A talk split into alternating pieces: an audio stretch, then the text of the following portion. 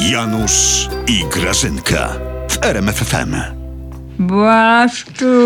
I- Ale święta były piękne. I widzisz, Grażynka. No i nie grzmie, No, a- wyjątkowo dzisiaj, a- bo jakaś zmęczona jestem. A powinnaś. Nagle, słuchaj, Iga No przestała... przecież słucham, no. Iga... Krzyczysz mi nad duchem, to co mam Prze- robić? Sorry.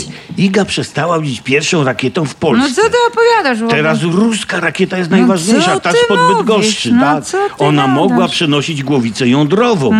Po pół roku żeśmy się dowiedzieli, bo ktoś przypadkowo znalazł w lesie. Ja wiem kto. Kto? Czerwony kapturek. Eee. Ale ci zawsze można wkręcić. Daj Hmm. spokój, Janusz, będziesz się taką byle jaką rakietą przejmował.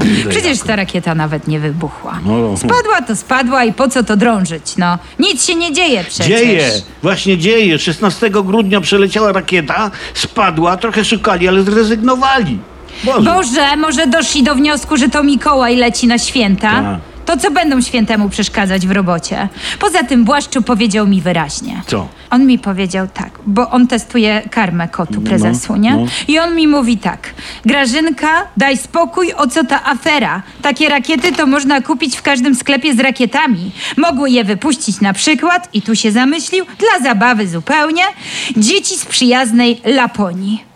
Skąd? Nie widzisz, że to jest na rękę Tuskowi i Niemcom? Zresztą, to pewnie Tusk sam wypuścił tę rakietę. No na pewno. Przy takiej technice, jaką mamy, nie wiedzieli, gdzie spadła? Ale wiedzieli, no wiedzieli, no, No to pewnie, co? że wiedzieli, bardzo dobrze wiedzieli. No. Ale Mariuszek Błaszczu kazał przerwać poszukiwania. On się śpieszył po prostu na pasterkę. No nie nie gadaj. chciał straszyć ludzi. Poza tym PR-owo by to bardzo źle wyglądało. Mm. No gdzie? No święta, rakiety, daj spokój, po Mm. lesie. O. Ty nie wiesz, Janusz, ale to była bardzo mądra decyzja Mariuszka. I to celowa na złość Putlerowi. Co? No mówię ci. Wiesz, jak on się zdenerwował? To. Bo to było tak. Janusz, posłuchaj. No. Ruscy myśleli, że nas zastraszą, że ta rakieta doleciała do nas, że zaczniemy szukać, robić awanturę po świecie, a my takiego wała jak Polska cała. Ruscy czekają na awanturę, czekają, czekają, czekają i co? I nico, ty stara donico. Putler to się tak rozchorował z niecierpliwości, po prostu, że aż sobowtóra wystawił. A my co? A my, Janusz, nic. Właśnie, Grażyna. My nic. I o to chodzi. No i słuchaj, co za goście, co za w ogóle luzaki, myślał sobie dalej Putin, no nie? Że nic w ogóle nie zareagowali, że im ta rakieta je No. buduje, budu w lacy spada, a my nic, łamiemy się opłatkiem i czekamy na Mikołaja. To już nie mamy ich czym postraszyć, pomyślał tak Putin na pewno.